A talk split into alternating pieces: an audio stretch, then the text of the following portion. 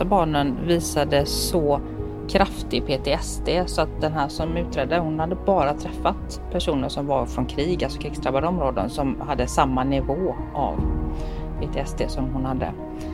Det säger ju en del av hur det är att leva under de här förhållandena helt enkelt.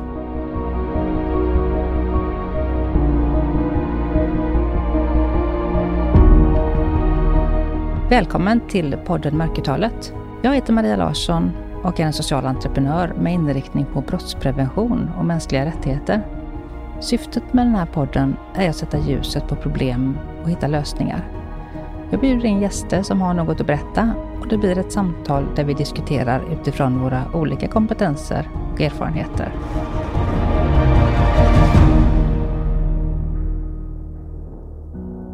Hej och eh, välkommen till podden Mörkertalet. Idag så är vi första gången på olika platser, spelar in.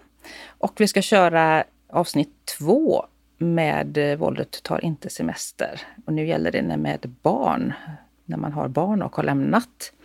Och med oss åter Susanne Hydén. Varmt välkommen! Tack snälla! Och du är hemma hos dig? Absolut, i min hemmasnickrade poddstudio befinner jag mig just nu. Härligt! Mm. Som sagt var första gången som jag inte träffar min gäst i verkligheten. Och det känns ju bra att testa med dig då Susanne. Vi känner ju varandra sedan tidigare. Absolut. Och få göra alla våra misstag. Och vi har hållit på här nu en liten stund innan och under skratt och glam testat oss fram hur vi ska få detta att fungera. Absolut. Min katt har också testat hela konstruktionen här så att den är förhoppningsvis även hållfasthetstestad. Perfekt. Och det är mycket fluff runt oss kan vi säga. Mm. Poddare lever ju en väldigt fluffig tillvaro. Har vi Absolut. förstått. Fluff runt omkring ämnena är hårdare. Precis. Vi kör med väldigt hårda ämnen här. Semestern är slut. Vi spelade in det första avsnittet med Våldet tar inte semester under semestern men mm. eh, lyckades ju liksom inte få upp den förrän efter semestern av olika skäl. Och nu är det också efter semestern. Men eh, ämnet är så viktigt. Vi vill faktiskt belysa hur det är att eh, ha lämnat en destruktiv relation med barn. Vad händer sen? Mm. Eh, en viktig bit. En otroligt viktig bit. Där det kallas ju för eftervåld, det som sker när man har lämnat och den pågår ju. Och har man barn pågår ju den i väldigt många år. Och eh, det ser ut på olika sätt. Tvärt vad väldigt många tror så är det ju så att eh, den personen som har betett sig illa den har ju full tillgång till barnen och träffar dem och umgängesrätten är otroligt stark. Mm. Och ska uppfyllas då på olika sätt. Man har ju varannan vecka när man eh, separerar per kutym automatik. Och väljer man att vända sig till tingsrätten eller familjerätten för att få det uppstyrt på något sätt så kan det ju se ut på ett annat sätt efteråt. Då. Men eh, det är också väldigt svårt att få något annat än varannan vecka och gemensam vårdnad. Så det ska vi säga att det är det som de flesta har och behöver mm. förhålla sig till när man har lämnat en destruktiv relation. Ja men det heter ju vårdnad, boende och umgänge. Ja. Och även om man skulle ha reglerat det via tingsrätten, eh, till exempel att man har fått enskild vårdnad, så är ändå umgängesrätten väldigt, väldigt stark och ska uppfyllas om man har fått tilldömt eh, umgänge då. Och det har de flesta. Ja, jag tänker också vad som är så intressant i det här Maria är ju att även om du då kanske har ett ganska lite striktare reglerat umgänge av typen att eh, det inte är varannan vecka onsdag till måndag eller inte inte mer än kanske fredag till söndag så är det fortfarande så att när det kommer till semester och helger då helt plötsligt så blir det 50-50 i princip i de flesta domar. Så där utökas ju umgängesrätten ganska dramatiskt faktiskt. Mm. Ja, nej, men så är det. Det är något märkligt som händer där under ledighet då. Mm. Och det ska vi försöka prata om här idag. Hur både vi men andra som vi har stött på och hjälpt och stöttat genom åren här, hur man har kunnat lösa det på olika sätt och vad, mm. vilka fallgropar det finns. Så det är väl några huvudingresser, eller vad ska jag säga här. Det är ju liksom att umgänget hur inför. Ja, jag tänker ju att någonstans så stökar det ju till sig redan där på planeringsstadiet. För ofta så får man ju det här att man ska vartannat år så ska den ena bestämma sin semester och sitt sommarumgänge först och det andra året så ska den andra göra det. Och eftersom det inte är helt ovanligt att de här umgängena mer handlar om rätten att ha barnen hos sig så kan det där krocka med så mycket tråkiga saker som att det kan vara svårt kanske att sy ihop semestrar och ledigheter med resten av släkten eller födelsedagar eller sådana här saker. Och att det ibland är överhuvudtaget väldigt svårt att få besked från den andra parten. Och det här med att samarbeta, alltså det finns ju oftast en väldigt tydlig anledning till att man har separerat och det är ju inte sällan just samarbetet. När man tittar utifrån på sådana här eh, situationer så tolkar ju en del som att det är en konflikt mellan två jämbördiga vuxna som då har samarbetsproblem. Men precis som du är inne på här Susanne, så är det ju grunden till att man har separerat är ju att en person som beter sig illa mot mig eller familjen är ju väldigt svår att samarbeta med. Därav blir det en separation. Och det där blir ju inte bättre för att man har separerat utan det är otroligt svårt att planera, att få besked, att kunna göra saker utan att bli hindrad helt enkelt. Så det står, brukar ju finnas ett slags datum där man ska inkomma med eh, önskemål för sommaren, vilka veckor och så här och hur det ska se ut. Och sen är det som du säger att den ena har företräde det ena året och den andra har företräde till sina önskemål det andra året. Trots detta så är det ändå svårt att planera och få besked även om man har, ska förhålla sig efter den andra. För det ligger lite i sakens natur här att makta den andra genom umgänget för barnen och genom att kanske har möjlighet att förstöra för den andras semester på olika sätt. Då. Ja, det finns ju tyvärr ofta en agenda av att aktivt vilja förstöra. Det är ju det som är så himla tråkigt och det jag tror att folk inte heller riktigt förstår just när man pratar med andra sådär att nej men det är klart att den här personen inte skulle vilja förstöra för varken dig eller för barnen. Fast jo, det är faktiskt ganska ofta så, precis så det är. Att man tycker att det är skönt. Och semester är också en sån här del där du kanske är tvungen att prata med din arbetsgivare i, i tid och där det är inte bara den här andra parten man ska komma överens med utan det är ju kanske just det här med att ja, få tillgång till ett sommarhus eller få ledigt från jobbet samma vecka veckor. När är det stängt på förskola eller fritids? Alltså det är ett jättepussel man ska ta ställning till. Och är det fritids och sådär så kan det ju handla om kostnader också. Och där är man ju ofta tyvärr en part som står i en lite mer skör ekonomisk ställning också, vilket också är någonting vi pratar ganska tyst om. Vi kan återkomma till det med möjligheter och pengasituation. Då.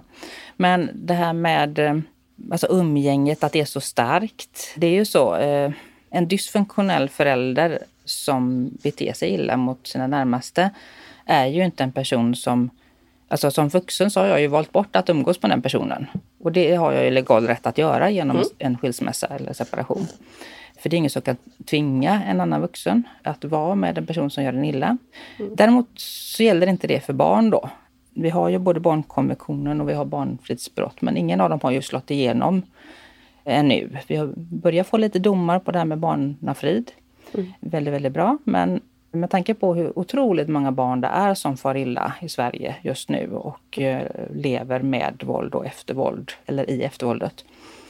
Där alltså våldet fortsätter på olika sätt. Hur många barn det är då så är vi ju väldigt långt efter faktiskt fortfarande. Och det här umgänget är otroligt starkt. Så att det har ju varit mycket prat om här nu eh, i och med att vi har ju några kända fall då, bland annat Tintin här då, som mm. blev mördad under ett umgänge med sin pappa som bara var några timmar, det här umgänget. Mm. Och han blev bragd om livet under den tiden och han ville inte till sin pappa. Och det är väldigt, väldigt många barn som inte vill träffa den ena eller den andra föräldern. Mm. Vill säga. Ja, och som också tydligt har sagt det i många olika forum. Mm. Vilket ju också är ett helt annat avsnitt med just det här att eh, man inte vill lyssna på barnen utan så väldigt mycket hellre vill säga att om ett barn vittnar om att det är jobbigt eller man är orolig eller det kanske bara helt enkelt är så att man får inte utöva sina fritidsintressen eller leka med sina kompisar när man är hos pappa för han har ingen lust att arrangera det. Och att man inte tar det på allvar utan hellre vill ta det till att det är en konflikt eller någonting annat. Ja, det är väldigt svårt att eh, ja, men som skyddande förälder rodda i det här för det är så mycket både ja, men myter kring eh, mm. Vad som är vad eh, och då en, kanske en, en, lagstiftning som inte riktigt hänger med här nu då. Till exempel det här med, med umgänget, att det är så starkt, att det är så svårt för barnens röster att bli hörda och bli mm. lyssnade på. Och även då om man skulle dra in umgänget så är ju det faktiskt förenat med att man kan mista vårdnaden eller till och med hamna i fängelse för att man har saboterat umgängessabotage. Mm. Så att eh, man är ju i en rävsax här deluxe mm. kan man säga som en skyddande förälder. Men det är väl därför också semestern kan kännas så svår tänker jag för att eh, det är lätt att prata om att man är orolig inför en semester när man väl har kommit till den här planen då hur man ska göra för man är också ifrån varandra lång tid. Man vet att det kommer att läggas väldigt mycket ansvar på barnen som kanske inte kan eller får höra av sig. Och där det blir de som helt plötsligt ska behöva bli de, på något sätt de vuxna personerna i sammanhanget. Kanske äldre syskon som får ta ansvar för yngre syskon och kanske till och med för sin förälder som ju då inte är så funktionell som det kanske verkar på ytan. Och man vet också som i det här fallet då ofta som mamma att tidigare så har man varit den som på något sätt har varit oljan på vattnet eller i maskineriet och tagit bort så mycket friktion som möjligt. Men man kan inte kräva det av sina barn, att de ska klara det. Och Det skapar också en oro för vad det är som kan komma att hända. Även om barn lär sig väldigt tidigt, tyvärr då, att mm. bli tillagsinställda eller bli tapetblomman eller clownen i familjen och på så sätt göra sin olja på de här vågorna då. Och mm, hantera eller inför då planerad, att de, de tar ansvar för relationen mm. i en väldigt mycket högre grad än vad vanliga barn gör. Mm. De blir ju väldigt snabbt vuxna på ett sätt som då heter det lite käckt lillgammal eller så här då. Men eh, mm. det är inte så bra. Barn ska vara barn och därmed punkt på det. De ska inte behöva oroa sig för vad som kan hända eller att oroa sig för hur en vuxen mår då. Mm. Och hur det ska liksom hanteras på olika mm. sätt. Så det finns väldigt mycket här som man kan se och avläsa på ett barn. För i min värld så berättar alltid barn att det något är fel. Men de berättar kanske nästan aldrig på det sätt som vi vuxna tänker att man ska berätta. Nej. Utan det sker på helt andra sätt genom mm. att visa hur de mår eller eh, utåtagerande beteende eller inåtvänd eller ja, som jag sa där med, med clown eller tapetblomma. Mm. Eller, det finns en rad olika mönster som ett barn kan ta till utifrån deras värld och vad de har för förmåga helt enkelt. För vi som vuxna har ju ändå vuxit upp, vi har en annan, vi har varit i andra sammanhang, vi har haft jobb, vi har arbetsplatser. Vi, mm. vi vet att människor kan agera på olika sätt och vi har en lite större verktygslåda att agera på den här typen av ganska destruktivt beteende då. Men barnen det... har ju inte det. De är ju hjärntvättade in i det här. Ja, vad jag både kan minnas själv men också har hört många berätta är ju just det här att har man barn då som är tvungna att vara väldigt tillagsinställda, särskilt under längre umgängen, du kanske dessutom ska paraderas runt och visas upp och sådär.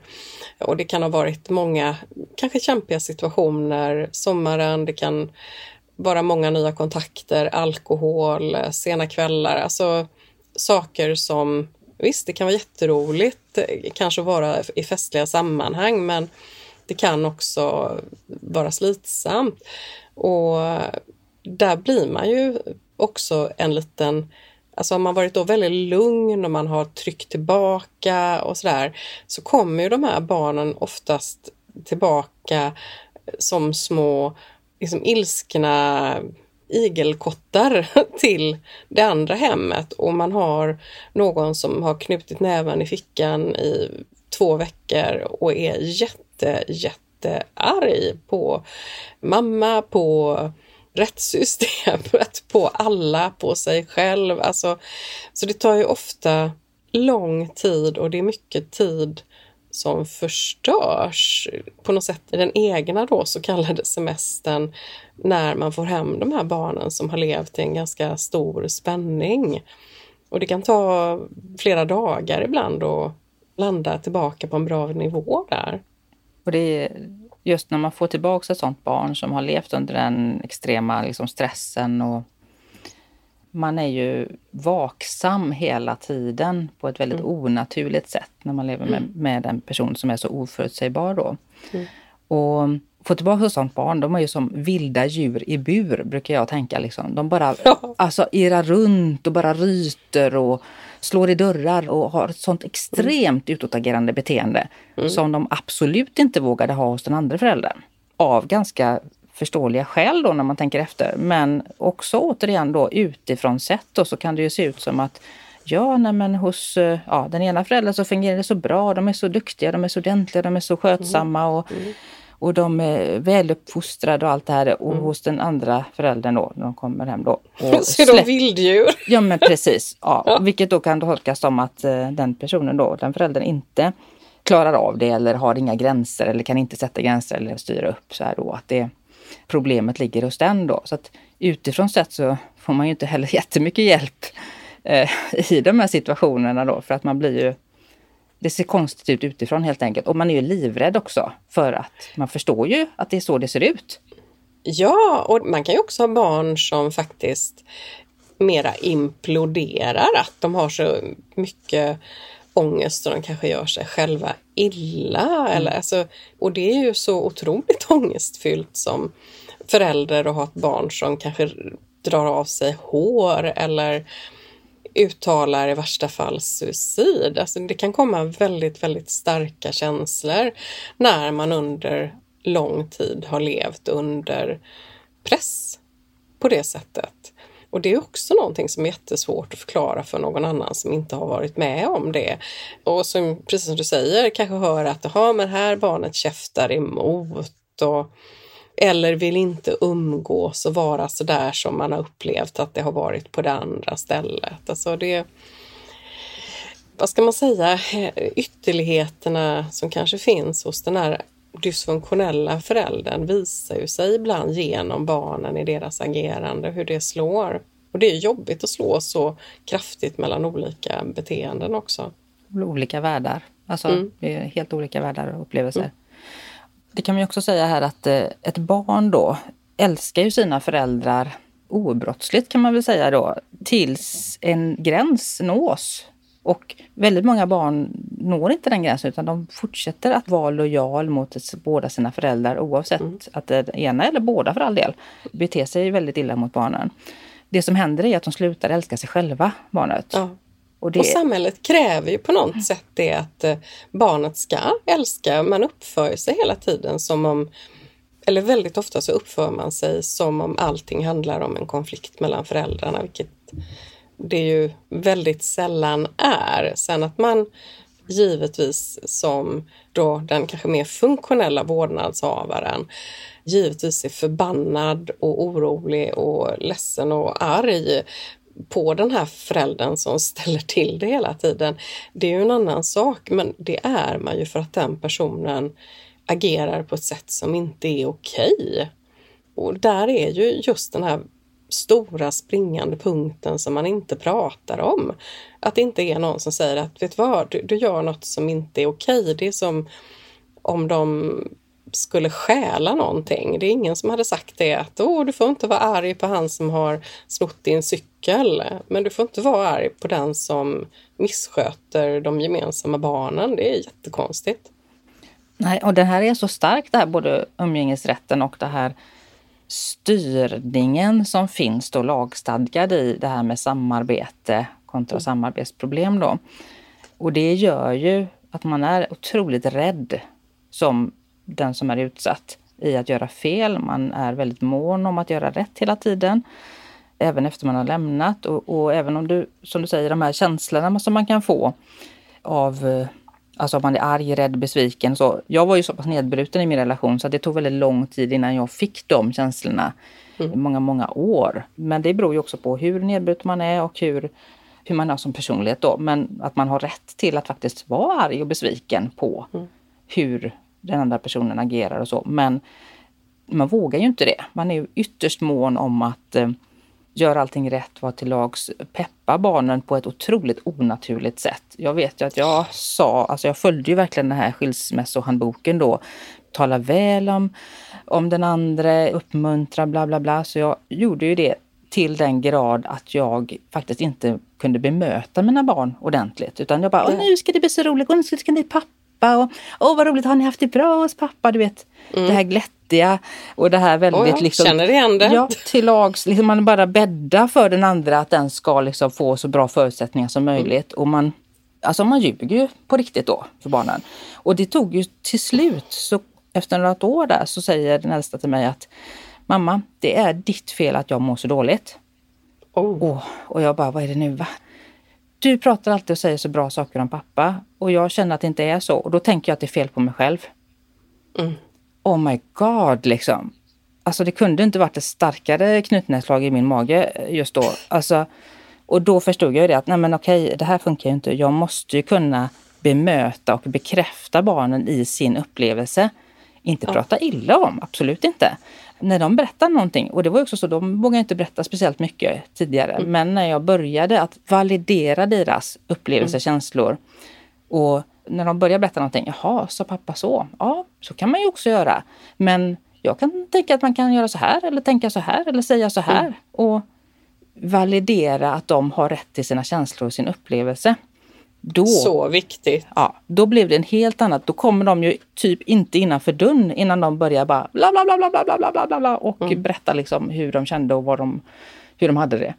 Mm. Så det är väldigt lätt att göra fel här för att man tänker att man gör på rätt sätt. Men man glömmer bort ja. att barnen, de behöver stor bekräftelse i hur de har det. Ja, jag tänker också i det här fallet så upplever i alla fall jag att det är otroligt mycket människor inom de segmenten som ska stötta en sån här situation som också har helt fel handbok. För jag kan komma ihåg när skolkuratorn sa till mig att Åh, men Susanne, du kan väl tänka på några saker som han gör bra. Tänk till exempel på att han kanske gör jättegoda köttbullar. Prata inte om det jobbiga, prata om de goda köttbullarna som han gör.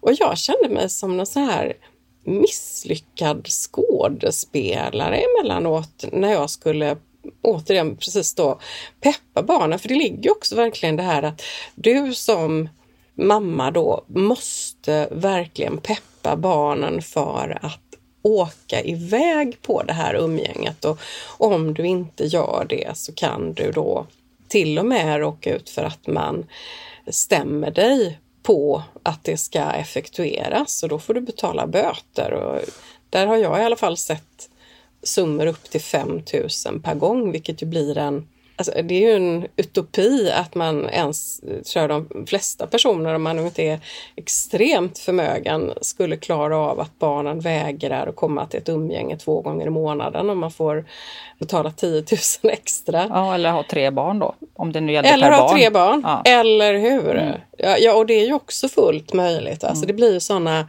fantasisummor medan det finns inga liksom, krav på att du kan se att den andra föräldern ska se till att barnen kommer iväg på sin fotboll eller ridning eller, eller har det bra. sång eller få mat eller ha det bra eller mm. inte bli utskällda mm. eller vad det nu är för någonting. Nej.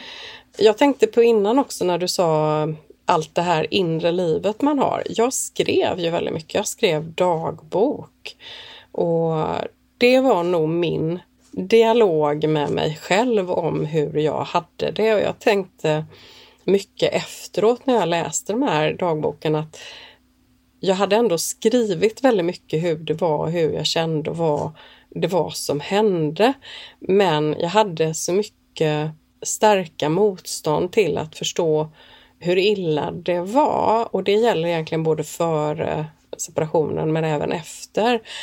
För det var så smärtsamt att förstå hur illa det faktiskt var, hur illa jag mådde, hur illa barnen mådde. Men jag hade ändå skrivit ner det och det var hemskt skönt. Så det kan jag verkligen rekommendera ifall man nu tycker att det är ett bra sätt att skriva ner, läsa in eh, en liten snutt på sin mobil eller ta ett dagligt foto och några noteringar. Så då vet man åtminstone lite grann vad som händer och man får ur sig det så man inte bara sådär från insidan. Precis, om det gjorde jag också, skrev dagbok och till att börja med hade jag alltså manuella dagböcker och sen mm. övergick jag faktiskt till diary på alltså appar. Man mm. har alltid telefonen med sig och det finns för och nackdelar med båda så men eh, det är bra att skriva av sig eller mm. som du säger att faktiskt prata in eller Ja, vikt som passar ja, en, tänker jag. Mm. Det, och ibland kanske bara ta det där jag vet ungdomar idag gör ju det gärna, att ta sådana här dagligt foto med kaninöron och stjärnor och grejer. Men även att göra det, framförallt under, då återigen innan en separation, kan ju säga väldigt mycket om hur man mår och vad som händer. Ja, och inte minst heller eh, så kan det faktiskt bli bevis i kommande Absolut. rättegång. För det är ju så att det, våldet det eskalerar ju när man lämnar. Och var det illa innan eller om det inte var så illa innan så kan det bli illa väldigt snabbt. Just och mm. i synnerhet under den akuta liksom, separationsfasen. Då. Och då är dagbok eh, ett bevismaterial helt enkelt. Så det är bra att skriva och även om man själv inte tänker att det här är brottsligt. För det tänker man nästan aldrig och man vet ju faktiskt inte heller om Svea rikes lag i den mån som man borde kunna då, men det gör man ju inte för som vanlig medborgare så är det här en utopi att hamna i en relation som är destruktiv och våldsam. Och man vet, jag visste inte ens vad våld i en relation var överhuvudtaget. Jag, jag, hade, alltså, jag hade ingen aning. Jag trodde att jag visste vad det var, eh, mm. rättare sagt, vilket mm. kanske är ännu farligare för jag var så otroligt inne på att det var just fysiskt våld, eh, kvinnan slagen av mannen. Det var på något sätt check, det är mm. så det är. Mm. Och när det var allt annat så fattade inte jag. Och det där har ju också med normaliseringen. Jag tänker också på när man på något sätt kommer till lösningar, till exempel under en semester. Alltså man har ju redan vant sig vid en fullkomligt onaturlig anpassningsgrad. Man är så otroligt eh, ja, glättig och man fixar och man Alltså man blir en mästare på att eh, gå på de här över det här liksom knirrande golvet utan att det ska höras. Och det gäller ju även umgängen. Man gör ju allting, alltså klagar inte över att eh, saker försvinner. Och tittar man på semester till exempel, så det här med leksaker eller badkläder eller alltså det är så mycket saker som kan bli väldigt, väldigt jobbigt kring det. Dyrt och jobbigt, ja precis. För det, är, ja. inte, det är inte bara liksom att okej, okay, ja, nu har du inte badkläder eller nu har det här försvunnit eller på något sätt. Ja, okej, okay, då måste det införskaffas igen tidsmässigt och sen också prismässigt då. Ja. Man blir utarmad på många sätt kan man säga. Eller hur? När vi är inne på det här då med pengar här då. Det är kostsamt att skilja sig. Och vi är ju olika. Alltså det är inte bara en grupp av människor som blir utsatta för våld i en relation utan det är ju, finns ju överallt. Så det finns ju bland väldigt välbeställda personer och det finns bland de som inte har så mycket och eh, ja, i alla skrå finns våld i en relation. Men man blir oftast, även om man är välbeställd, så har man inte samma möjlighet för man kanske inte får sina pengar. Så även om man bor på Ekerö, Lidingö eller var det nu de här mm. fancy ställena finns då. Så eh, det kanske är så att man bor i ett jättefint hus men du har inte tillgång till ett öre. Så du kan inte göra någonting. Men eh, i mitt fall så bytte jag boende med kompisar, släktingar under någon vecka för att de skulle ha råd till att göra semester överhuvudtaget. hälsade på väldigt mycket. gjorde man för att liksom knö in sig på en flik på tomten eller slå upp mm. ett tält eller så här. Mm. För det är ju också dyrt att sätta nytt bo och skaffa nytt bohag till. Så att man är ju inte top notch eh, nivå vad gäller semestrar. Och samtidigt som det finns en stor stress då att man vill att det ska vara som innan på de sätt man kan. Där barnen kanske minst, man kanske gjorde trevliga semestrar tidigare. Och nu kan man inte erbjuda det. Jag ser på min situation. Vi var alltid eh, uppe i fjällen över då sportlovet. Eh, vi hade en solsemester någon gång på hösten kring höstlovet. Vi var ute med båt på somrarna, hade ett landställe. Alltså det fanns väldigt mycket olika platser, man gjorde saker med folk och precis som du säger då, när man sen blir själv så är det ju faktiskt så att umgänge, då går man kanske från trerätters middagar med fina viner och sådär till eh, lådvin och eh, kycklingben, men kanske ändå roliga aktiviteter. Och semestermässigt då åker man runt i bilen, har någon ljudbok, hälsar på folk, eh, har en uppblåsbar madrass, eh, tar sig runt. Men just det här med de här grejerna man gjorde innan, de försvinner ju om inte den andra parten upprätthåller det. Men då kanske det inte heller blir på samma sätt, för då är man inte med. Jag kan komma ihåg eh, en eh, svägerska till mig som eh, första gången tror jag efter vår separation som ansåg att hon på något sätt hade fått ersätta mig servicemässigt under den här första skidsemestern och sa att jag vill aldrig råka ut för det igen. För det, det var precis som, åh, en annan kvinna, hon kan hoppa in här och göra allt det här med mina barn som frun gjorde innan. Liksom. Och det, då blir det på något sätt som man bara köper skalet, ytterskalet till det hela men inte innehållet. Mm. Så jag tänker, det är säkert en del som lyssnar som tänker att åh, vilken värld lever de i som lyxiöst och man ska vara glad att man har klarat livet och allt det här. Men mm. jag vill bara säga det att det är ju Anledningen till att jag startade den här podden är ju just att belysa det här stora antalet personer då som inte är de här få procenten som blivit ihjälslagna eller nästan blivit ihjälslagna mm. eller där det är väldigt synligt och tydligt att det är våld och de har mottagit stora mängder grovt våld. För där finns det resurser i samhället att stötta upp och så. Och det finns liksom möjlighet att få hjälp och stöd. De här situationerna som du och jag befinner oss i, Susanne, där är det ett mörkertal för att man får inte stöd och hjälp och det här våldet som då inte är så synligt blir man kanske inte trodd man får inte rätt stöd i det här. Och i mitt fall så har det ju varit så att jag hade väldigt bra, goda förutsättningar och det hade kunnat lösa sig väldigt bra, väldigt snabbt. Men eh, utan att få något hjälp ekonomiskt överhuvudtaget. Mm. Hade man fått rätt stöd, liksom att förståelse för situationen, barnen fick rätt stöd bara några månader efter, så hade vi haft ett helt annat liv idag.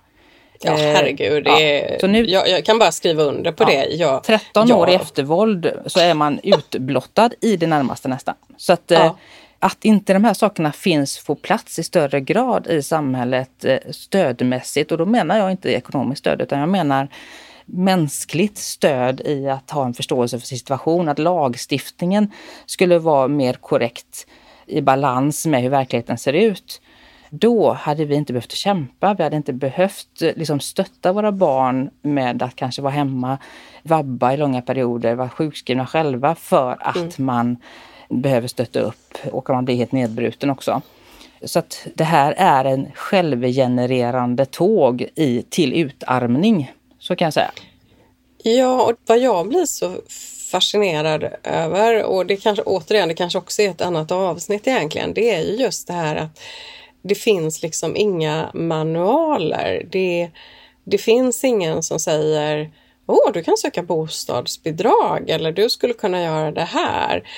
Jag tänker att både du och jag är någon form av ja, men typiska lite medelklasspersoner. Så. Man är i den här fåran där det har tuffat på, man gör inte så stor liksom, stora märken kanske i statistiken utan man sköter sig och man jobbar på och sådär. Och, så, och, och rätt som det så har man det här våldet liksom som har smugit sig in i relationen och är bara där mitt i rummet.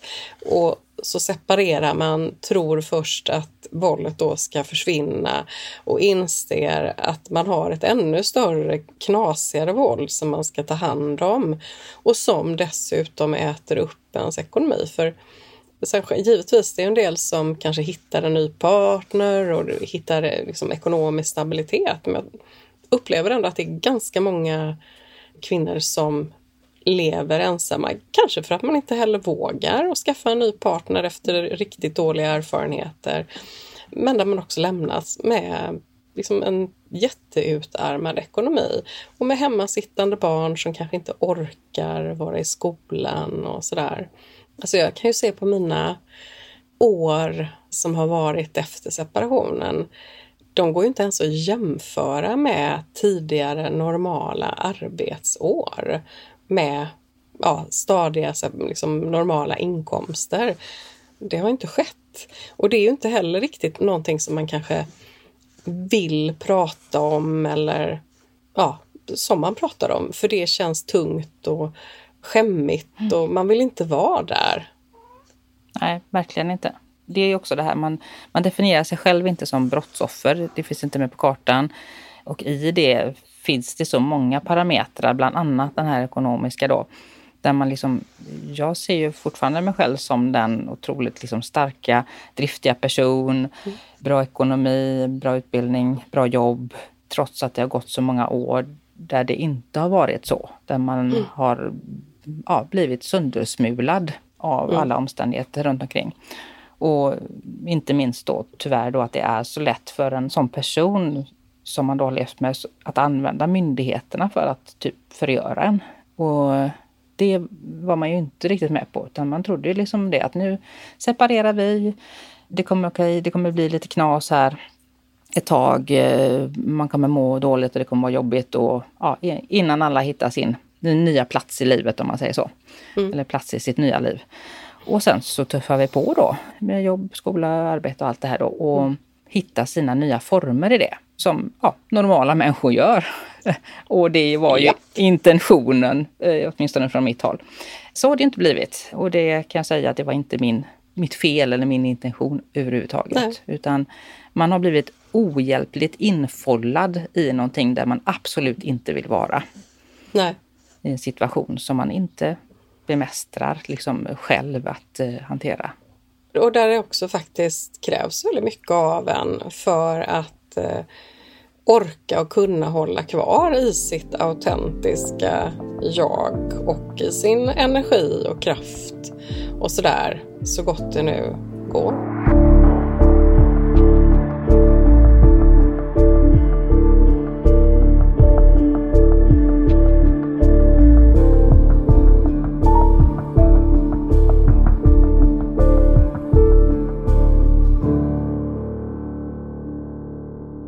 Vi tar den nästa fas eller ett ämne som vi tangerat så är det ju då semester, vila, semesterledighet, semesterrekreation, återhämtning.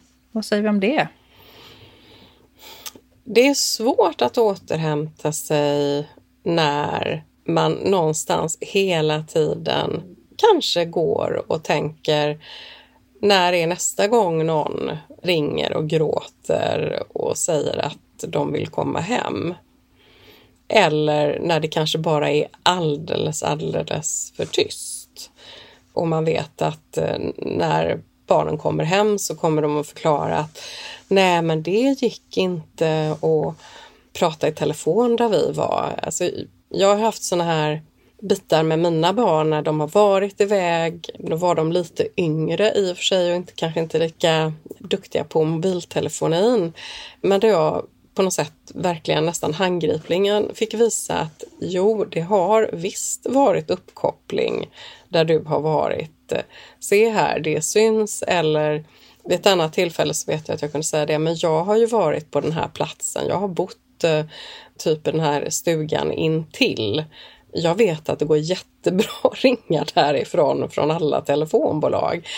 Och det blir så många sådana absurda situationer så att den egna ledigheten blir ju påverkad, så är det ju bara. Bara det att det är ja, definitionen på semester och ledighet är ju att det är en frånvaro av skola, jobb och det här då normala.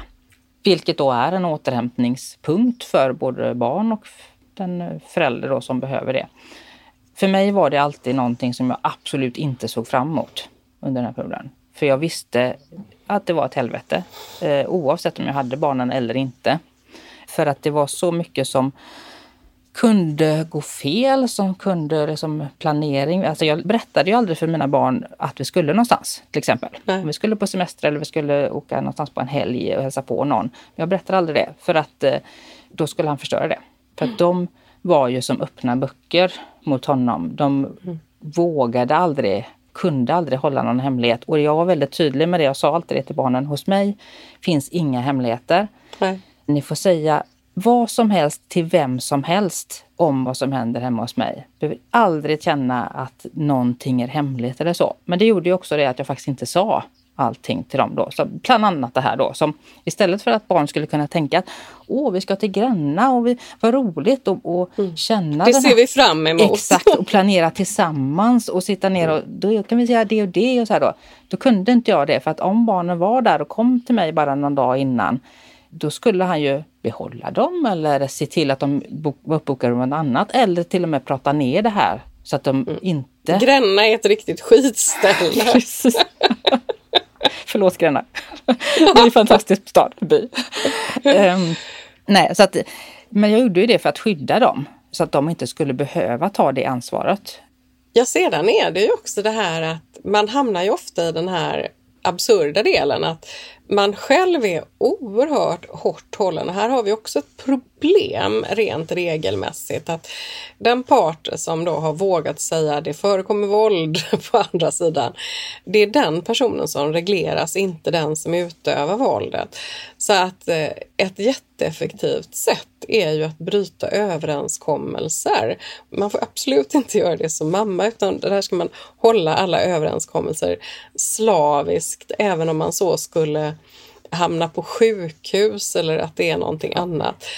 Man har så låga både förväntningar men också önskemål. Man skulle bara vilja att det funkar. Just kan det inte bara vara lite normalt, lugnt, städat, tryggt umgänge. Alla kan koppla av och vara lediga och ha semester. Det är så tråkigt att det ska bli så krångligt. Bara bryta in här att det det finns ju någon slags uppfattning också om att många, och i synnerhet kvinnor, anklagas ju för det här att de vill dels ha kontroll över situationen och sen vill de också ha barnen heltid. Och då kan jag bara dementera det med att säga att jag tycker att det är väldigt skönt att faktiskt när man separerar få lite egen tid att reparera sig själv lite. Och i de normalaste av de normala världar så önskar man ju att barnen ska ha en fin relation med sin pappa och att den ska ja. vara bra. Alltså det finns inga normala kvinnor som separerar, som tänker att jag ska ha barnen, utan då är det våld i sig. För det finns ju även det hållet, tänker jag, att kvinnor ja, ja, idkar våld på olika sätt. För våldet ser ju olika ut, manligt och kvinnligt våld. Och det blir också ett ytterligare ett avsnitt om det. Mm. För mig var det så den första perioden när vi någonstans, eh, säger ibland, lekte lycklig skilsmässa. Och det var varannan veckas boende och det verkade fungera väl. Det var ju helt fantastiskt, för då hade jag inte vett på att vara orolig, för jag trodde verkligen att allting skulle funka bra. Och jag njöt oerhört av både den här härliga tiden som jag kunde ha med barnen varannan vecka, som då var utan den här anpassnings vad ska säga, energin, att den inte behövde gå åt, man kunde ha en annan ton. Men också de veckorna som jag faktiskt var själv och bara kunde ägna mig åt mina saker, försöka landa, reparera mig. Alltså det var ovärderligt. Träffa vänner inte minst, för de brukade inte ja, vara godkända de, av ens partner. De tråkiga, de tråkiga vännerna, ja, de hopplösa föräldrarna. Ja, exakt. Sånt kan man ju ägna sig åt och det är oerhört ja. befriande på många plan.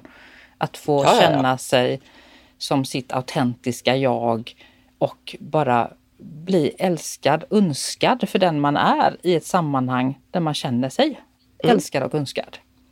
Det... Ja, alltså det får jag ju säga och det kanske egentligen eh, gick emot min exmans önskan men jag reparerade mig oerhört Eh, under de första månaderna och det skapade väl också att jag så småningom orkade ta nästa stora konflikt. För jag hann verkligen inse att men oj, wow, här är ju jag och jag är ju jag är rätt bra. eh, och jag kunde vara glad och ja, men vara hela mig själv igen. Det var jätte, jätteskönt. Och det är också någonting, vi människor är designade för svårigheter. Vi klarar mm. av otroliga eh, påfrestningar. Vi bor på olika platser på jorden under väldigt olika klimat för att vi är anpassningsbara. Mm. Vi är i krig, i konflikter, i svåra, svåra umbäranden. Mm. Och vi kan gå ur dem och med rätt sammanhang, förutsättningar människor runt omkring en klara av det och må bra ganska mm. snabbt igen. Om mm. vi har det runt omkring oss. Men det är ju det som jag känner saknas i samhället, att kunskapsnivån både hos vanliga medborgare men även hos myndigheter är så låg om våld i nära relation. Vad det är, vad det gör med oss, vad trauma gör med oss, hur det påverkar barnen. Så allt det här kämpandet att bara få en förståelse för sin situation den har ju varit nedbrytande i sig och gjort att man är kvar eller har slungats tillbaka. Så även om jag, precis som du, reparerade mig väldigt snabbt och kom upp på banan, kände att nej men, jag trivs med mig själv och jag trivs med det och jag skapade min nya plats på jorden och trivdes där och kände mm. att det här, jag känner mig trygg och jag älskade känslan av att lägga mig på min kudde ensam i min säng. Alltså den tillfredsställelsen att bara, jag är trygg, jag behöver inte vara orolig, jag behöver inte vara rädd, jag behöver inte vara ledsen, jag behöver inte ha den här mm. krampaktiga i magen-känslan liksom. Att mm. vad händer? behöver inte lyssna på steg eller dörrar nej. eller eh, Precis. steg i trappan. Nej, nej, absolut. Eller liksom skanna ansikten. Vad har för, mm. liksom, är det svarta ögon med mm. liksom, näsvingar som vibrerar eller vad är det liksom? Mm. Nej, alltså den otroliga friheten. Och man reparerar sig väldigt snabbt. Mm. Men den här långa nednötningen. För det är ju inte våldet i sig som har nött ner mig, utan det är ju att man inte har fått rätt stöd från samhället. Mm. Och, och, att man saknar återhämtning. Det, ja. I för det. Jag menar, idag vet vi att det är ju faktiskt fysiskt farligt mm. att inte återhämta sig. Men där kan jag ju se att ingen marknadsföring för en själv kanske, men alltså tittar jag under hela 2000-talet så tänker jag att jag har varit mer eller mindre sömndepraverad och eh, inte haft den här återhämtningen som jag hade behövt. Ja. Det som då alltså semestern ska åstadkomma, det känner man ju nu när jobbet börjar att åh, vad skönt det är att komma till jobbet. och vila upp sig. Precis att få det här vardagliga, att få pauserna, att få liksom komma till en miljö. Så när man lever i och efter våldet där så är arbetsplatsen en otroligt viktig plats. Oh, ja. eh, och skola där man ska kunna känna att det är en våldsfri zon, att man ska kunna ägna sitt huvud åt andra saker. Men tyvärr så är det ju så, om man är väldigt traumatiserad så blir ju det, då klarar man kanske inte av sitt jobb, man klarar inte av sin skola det är också indikation på att det inte är bra. Eh. Jag skulle ju önska någonstans att det fanns en större förståelse för de barn som kommer till skolan och visar olika typer av utåtagerande. Att man förstår att allting handlar inte om NPF-diagnoser utan barn som lever under väldigt pressade situationer kommer att agera lite grann som barn som har en diagnos. För de är vana vid att lägga mycket energi på att skanna läget som du sa.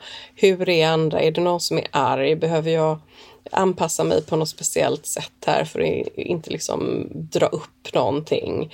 De blir väldigt uppmärksamma och i en stor klass till exempel, särskilt kanske en klass som är lite stökig, då kan bara och hålla koll på klasskamraterna kan dra liksom all energi som behöver gå åt till annat.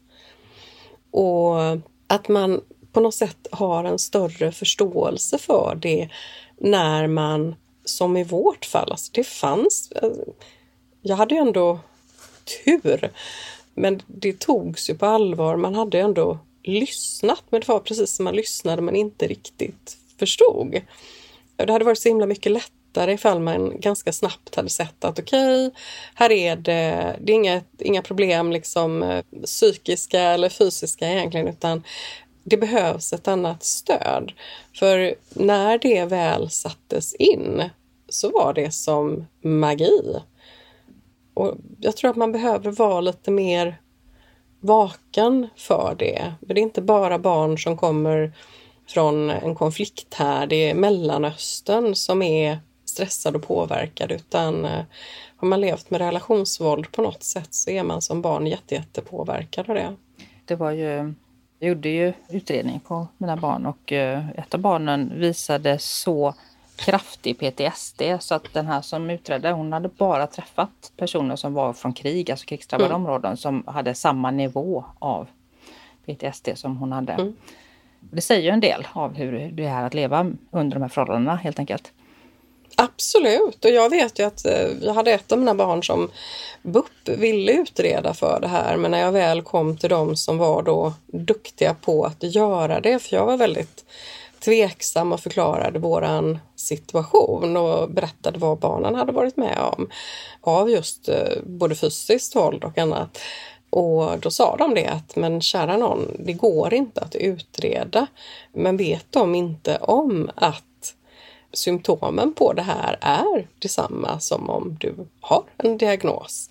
Så på något sätt så känns det som det här med PTSD och komplex PTSD, det är en väldigt låg kunskapen om det har inte riktigt sipprat igenom utan man, man har eh, precis på samma sätt som man på något sätt tror att en, en förövare alltid är någon bandit som haltar med en lapp eh, över ögat eh, så tror man att folk som lever i en villa någonstans i förorten inte kan ha PTSD på grund av relationsvåld.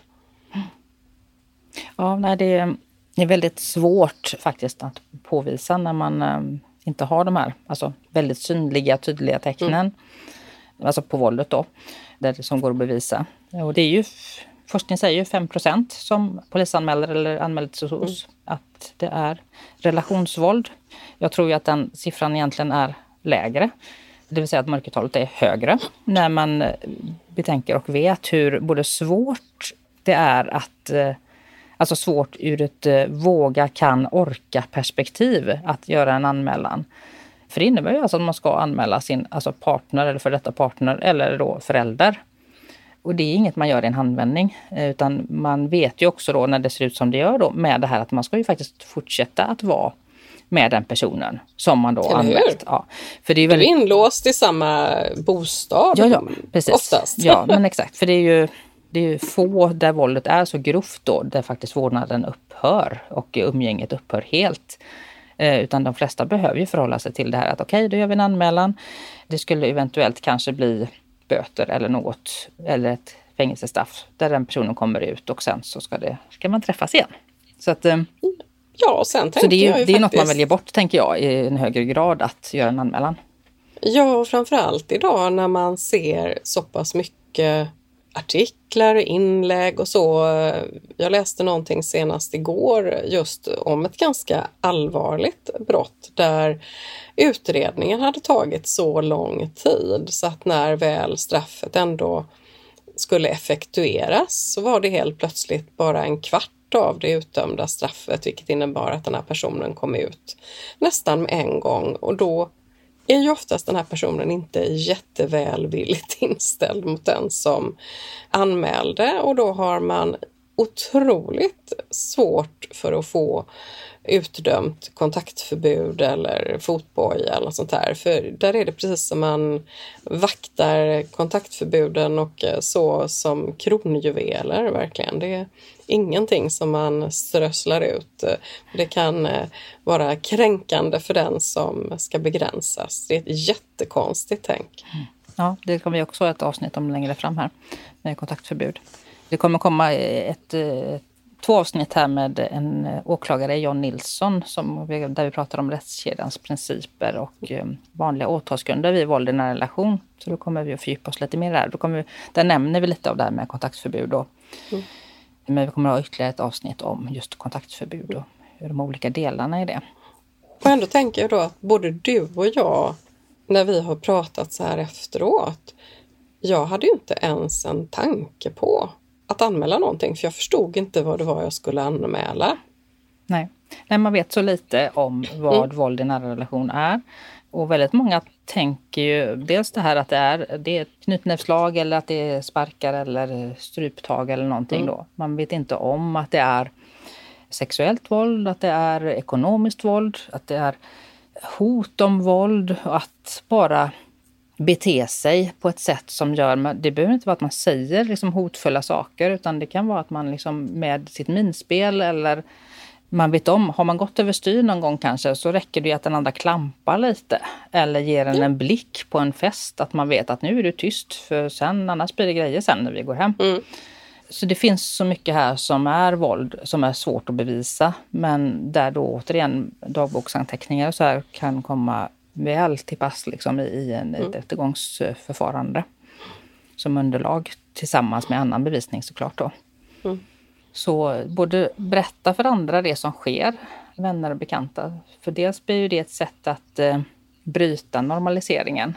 Man är med om någonting eller någonting hände. Och reaktionen från de personerna, om det är bra personer som förstår och vet om det här hur det funkar, kan ju säga att nej men va, så här kan du inte ha det, det här är inte okej, va, så får han inte göra som gör att man själv börjar vakna till och förstår att jaha, kan man inte det? Får man inte det? Är det inte det här normalt? Har inte alla det så här?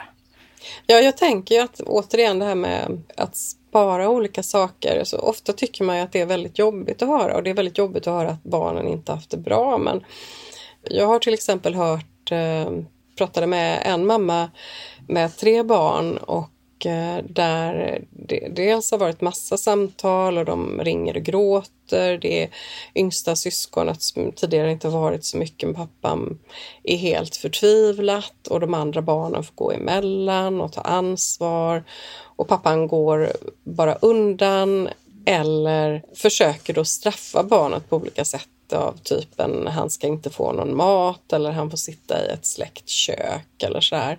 Och det har till och med varit då grannar som har varit där. Och du vet, jag sa just till henne att försök att se så att du kan, om du kan få folk att berätta om det här och att du skriver ner allting även om det är jätte, jättejobbigt. För det är klart att presenterar man det för någon annan som känner den här pappan som en då rätt högt stående medborgare så kommer säga, men gud, men så kan han väl inte göra? Ja, fast det är så. Ja, men han kan ju inte vilja att det är på det här viset. Nej, det kan man ju tycka, men uppenbarligen så vill han det ändå. Han tycker någonstans att det är okej att det är gråt och skrik varje gång och kaos. Och det blir ju på något sätt också de här att man, när man lever i eftervåld så är det inga vanliga regler som gäller så det onormala blir normalt. Och tvärtom. Och tvärtom, ja ja. Mm. Som du säger, det är ett ständigt undantagstillstånd. Ja, precis. Eh, det finns inget normalt, inget normalt som gäller överhuvudtaget. Och utifrån om någon ser på situation eller på familjen eller så, så kan det ju se ut på ett visst sätt. Men vi som lever i det, vi vet att det är helt tvärtom. Det går inte att förklara. Allt är helt upp och ner. Mm. Och ut och in. Absolut. Mm. Och det absurda blir det nya normala. Mm. Ja, jag tänker att vi har pratat på rätt länge. Mm. Som alltid. Som alltid, precis. Och jag tänker att vi kanske ska runda av. Det är tufft att eh, rodda efter man har lämnat. Det är tyvärr inte så att våldet tar slut. Barnen behöver träffa sin förälder oavsett om det är mamman eller pappan som är dysfunktionell. Det är viktigt att säga.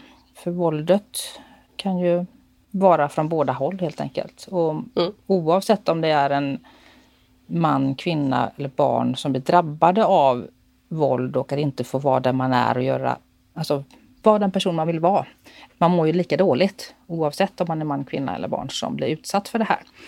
Oh ja. eh, och det jag tänker, för det gäller ju både i samkönade relationer eller att det är både kvinnor och män som kan bete sig förjävligt på ren svenska. Ja, men det är ju könsneutralt, ja. alltså både offer och förövare. Precis. Sen att vi nämner ja. Jag utgår ju från min berättelse och kanske från merparten av mm. dem jag har hört. Precis. Och då, det vi har pratat om idag, det är ju både den oron som finns och den är ju som sagt var inte oro utifrån att eh, man eh, vill ha kontroll över saker och ting utan det är oro för att faktiskt barnen, man har bevis för att barnen far illa. Och att det är väldigt svårt att stänga av den oron. Det blir ju som en alltså så tortyr kan man väl säga. För när barnen är där och man inte vet eller man vet att det kan komma ett samtal när som helst och man vet ju hur det var att leva i den relationen. Och man vet ju vad som pågår där. Mm. Och det är ju en ständigt pågående tortyr helt enkelt. Um, Absolut. Så det går ju inte att koppla av även när man är ledig så att säga. Det är många som faktiskt jobbar också. De tar, jobbar medan de inte har barnen och så dryger de ut sin semester helt enkelt. Så att de får varannan veckas semester eller var, ja, det är två veckor ihop där. Ja, och eh, pengar, att man har pengabrist ofta. För man, även om man inte är i en ekonomiskt utsatt situation så är det ändå så att det ska ju till ett nytt bohag och det ska fixas saker. Och vilan som sagt var, den utgår helt och hållet. Mm. Kan man väl säga. Och eh, komma tillbaks till skola och eh, jobb blir en liten återhämtning sen då, för då blir det mer normala. Men då har man ju med sig sitt trauma både som vuxen och som barn då. Så ska det mm. anpassas och eh, förhålla sig till i skol och arbetsmiljö. Och mycket ansvar, framför allt detta kan jag väl säga då. Mycket ansvar som läggs på barnen att upprätthålla lugn och ro på den del där de är hos en, den part som inte fungerar så bra. Mm. Och att man eh, kanske ja, tvingas ta ansvar även för sina syskon på mm. olika sätt. Och det som sagt var, det, igen då, ett barn slutar älska sig själv före att den slutar älska sin förälder. Mm. Så den här lojaliteten, den behöver man hjälpa barnen med att förstå genom då att validera på olika sätt.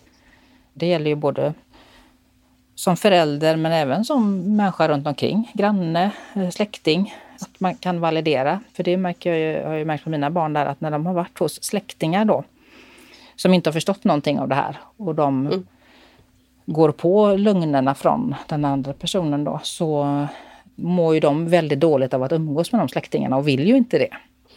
Mm. De blir ju nedbruten av det beteendet också. Så det här är ju, det är ju verkligen ringar på vattnet hur en sån person får andra människor med sig och lyckas liksom få ja, sin modell som den godkända.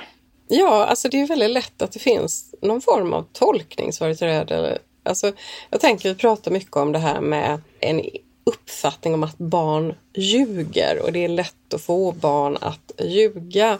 Och jag tänker så här, vi ljuger alla hela tiden. Vi har alltså mängder av vita små lögner som smörjmedel i vardagen hela tiden.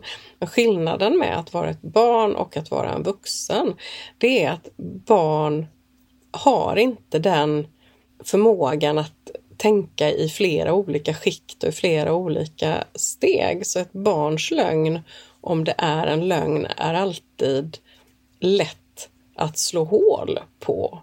Och utgår man bara ifrån det så kan man någonstans märka att när ett barn berättar någonting som faktiskt har hänt och är riktigt, då märks det. Just den här idén om att också man kan påverka barn att ljuga är så konstig för det blir en väldigt grundlögn i så fall. Ja, det är också min uppfattning. Och mina barn har ju också liksom varit utsatta för det av professionella, att inte bli lyssnade på eller trodda på då. Mm. Det har ju de flesta barn i de här situationerna blivit utsatta för. Dels för att de ska vara så neutrala då, myndighetsutövare, och tror att de gör barnen en tjänst genom det. Mm. Vi hade ju en fantastisk eh, medlare som skulle ta reda på vid ett tillfälle varför barnen inte vill gå till sin pappa. Och hon eh, var advokat, ytterst kompetent och hon hade varit med om det här att det var barn som då ja, så kallade var manipulerade eller ljög då. Mm. Och, så hon gjorde det. Hon intervjuade mig, hon intervjuade min expartner och barnen, eh, alltså var för sig. Och eh, barnen tillsammans med var, vi var för sig om man säger så. Och hon ställde frågor till barnen då. Både hur de hade mamman och pappan, alltså likvärdiga frågor. Mm. Och när barnen berättade någonting så ställde de följdfrågor kring det på liksom ett sätt och då är det ju då ett neutralt sätt utifrån mm. är det likadant där och, och hur, hur mm. är det där i samma omständigheter. Och hon fick ju fram verkligen jättetydligt och då bevis på att nej men, det var ju så, barnen talade ju sanning om hur de hade det hos sin pappa. Och hon rekommenderar ju att de inte skulle ha kontakt med honom för att det var så farligt helt enkelt för dem och nedbrytande. Men det var ju alltså en person då av alla de här som vi har träffat och barnen har träffat under alla år som verkligen tog det, det här extra stegen att på riktigt lyssna, att på riktigt vara intresserad, nyfiken, ställa följdfrågor. Inte bara mm. tro att det är på ett visst sätt. För det upplever jag att det, de flesta vuxna, de har vuxenperspektiv, de har inte barnperspektiv. De har ja. vuxenperspektiv och de tror att de vet hur det är. Och det mm. vet de inte. Nej, jag, återigen många avsnitt men just bara att tänka sig att vara ett barn i en barns kropp mot en vuxen person. Redan där är det ju en extremt stor maktobalans. Ja, nej men jag tycker vi fick med en hel del här eh, av mm. Eh, hur det är att leva i eftervåld eh, under semester, ledigheter. Att det inte mm. är speciellt fyllt av vila och återhämtning utan istället ständig vaksamhet och den här brist på rutiner gör ju någonting med den också. Att man inte får återhämtningen som man kan få på arbetstid mm. eller på skola. Ekorrhjulet är inte att förringa, så kan man väl säga. Nej men alltså det är ganska skönt med mm. det ibland och jag skulle någonstans också vilja lägga ett medskick till alla som jobbar inom skola och fritidsverksamhet. Att tänk på att eh, en hel del av de barnen ni kommer att möta som kommer tillbaka nu till skolan tänk på att inte gå in i den här modellen där man ska tvingas berätta om ett lyckligt sommarlov med jätteroliga saker och eh, så. Utan eh, fundera på vad det är man ska berätta när man kommer tillbaka till skolan. Det kanske faktiskt är ett andningshål för många barn. Precis. Den frågan ska ju inte ens ställas hur man har haft eller vad man har gjort på det sättet. Liksom, att man ska Nej. behöva outa liksom, vad man inte har gjort oftast då. Eller, Eller hur, de flesta barn bor inte i Bullerbyn som jag brukar säga. Nej. Nu har vi testat det här med eh, double ender som det då heter, att spela in på mm. två olika platser. Får vi se hur det blir i verkligheten i sändning. Spännande. Mm. Spännande. Det känns, eh, so far so good får vi säga då. Det känns, känns ju rätt bra. Absolut, det är lite varmt. Men det var det ju sist ja, du vi valde spelade in också. Jag har ju ändå valt lite vanligare rum så och stående. Ja. Du är nedbäddad i sängen eller? Under duntäcket. Och... ja, det är bra. Det är bra. Fluff är bra. Ja, stort tack Susanne för detta samtalet eh, om snälla. eftervåld. Vi kommer ju återkomma till ytterligare samtal här igen. Varmt tack för idag. Ha det gott! Detsamma, ha det gott! Om du känner igen dig eller förstår att någon i din närhet är drabbad så finns det mer information om vart du kan vända dig i beskrivningen till det här poddavsnittet. Där finns även information för dig som tycker det här är viktigt och vill stötta den här podden, antingen via Patreon eller Swish. Vi hörs!